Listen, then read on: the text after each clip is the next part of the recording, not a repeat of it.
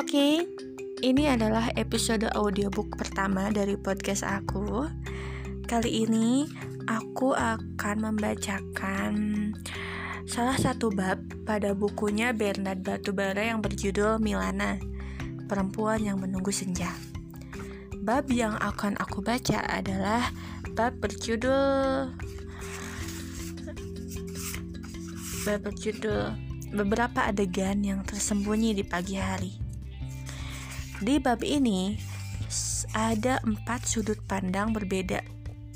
Nah, aku akan membacakan semuanya setiap sudut pandang yang terangkum dalam satu bab ini. Oke.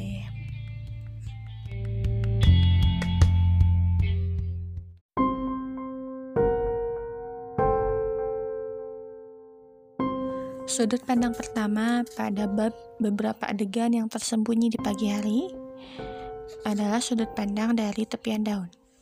Mulai kepada embun sebagai tepian daun. Tak ada yang bisa kuperbuat selain menjaga dan memperhatikanmu. Jika kau ingin jatuh, jatuhlah perlahan dari tepian daun. Kau tahu aku mencintaimu, karena itu aku mengikhlaskanmu. Aku ingat, aku begitu hangat waktu itu. Entah karena demam atau hanya sedang cemburu. Mungkin juga patah hati. Aku juga tidak tahu mengapa aku layak untuk patah hati. Padahal aku dan matahari tidak pernah menjalin janji apa-apa. Hubungan kami pun sebatas dua benda yang saling memberi kabar dari jauh. Saling bertanya tentang manusia-manusia yang berlalu lalang dan anjing peliharaan yang tiba-tiba hilang. Kami sering berbicara tentang apa saja. Aku bercerita kepadanya tentang akar yang tiba-tiba hendak melihat permukaan dan pucuk yang diam-diam ingin hidup tenang di dalam kuburan. Aku juga bercerita kepadanya tentang ranting kecil yang berharap buah besar tumbuh dari tubuhnya dan batang pokok yang ternyata mulai bosan menahan kami semua. Namun, dia, matahari yang membuatku jatuh cinta, tidak pernah bercerita apa-apa. Ia berkata, ia dilahirkan hanya untuk menyinari. Itu saja. Selebihnya, aku tidak tahu hal lain tentang dia. Tapi aku mencintainya. Dan seseorang yang sedang jatuh cinta adalah peneliti yang mahir, bukan? Maka, semenjak aku tahu bahwa aku jatuh hati kepada matahari yang lahir hanya untuk menyinari, aku mencari tahu tentangnya apa pun tentang dia. Asal usulnya, sanak familinya, kerabat-kerabatnya, teman dan sahabatnya, musuhnya. Bahkan aku mencari tahu tentang sekolahnya, kampusnya, tempat kerjanya, tempat ia menghabiskan waktunya saat istirahat, dan seterusnya. Sudah ku bilang tadi, orang yang sedang jatuh cinta punya rasa penasaran yang bahkan bisa membunuh seekor harimau bengali. Tetapi aku tidak menemukan apa pun tentangnya. Tidak satupun selain apa yang sudah ia beritahukan kepadaku bahwa ia adalah matahari dan ia lahir hanya untuk menyinari. Lalu aku mulai curiga. Kau tahu apa yang ada di pikiranku?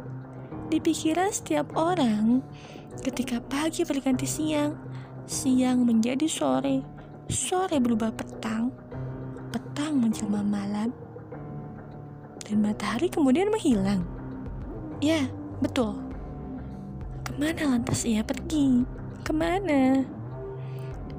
Aku tidak pernah tahu ini dan dia membuatku penasaran setengah mati. Sejak itu, aku mengenal bulan. Ia mirip matahari, namun tidak seterang matahari.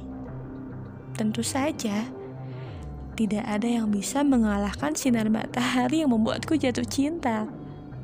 Tidak ada yang bisa menyainginya, meski seluruh cahaya dari alam lain berkumpul dan bersatu untuk menundukkan ia.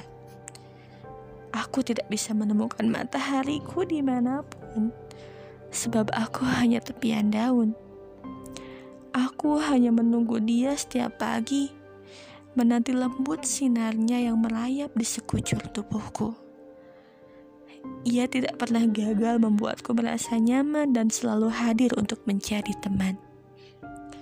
Oh ya, teman. Begitu pada akhirnya ia berkata kepada aku. Aku hanya menganggapmu sebagai teman Salah satu dari beratus-ratus miliar seluruh cahayanya berbisik di telingaku. Maaf, aku tidak pernah memberitahumu selama ini, tapi aku jatuh cinta kepada bulan. Sejak itu, cahayanya, cahaya matahari yang sempat membuatku jatuh cinta, tidak lagi terasa sama, tidak pernah terasa sama. Aku tidak menyukai bulan, sebab setiap ia ada, matahariku menjadi tidak ada.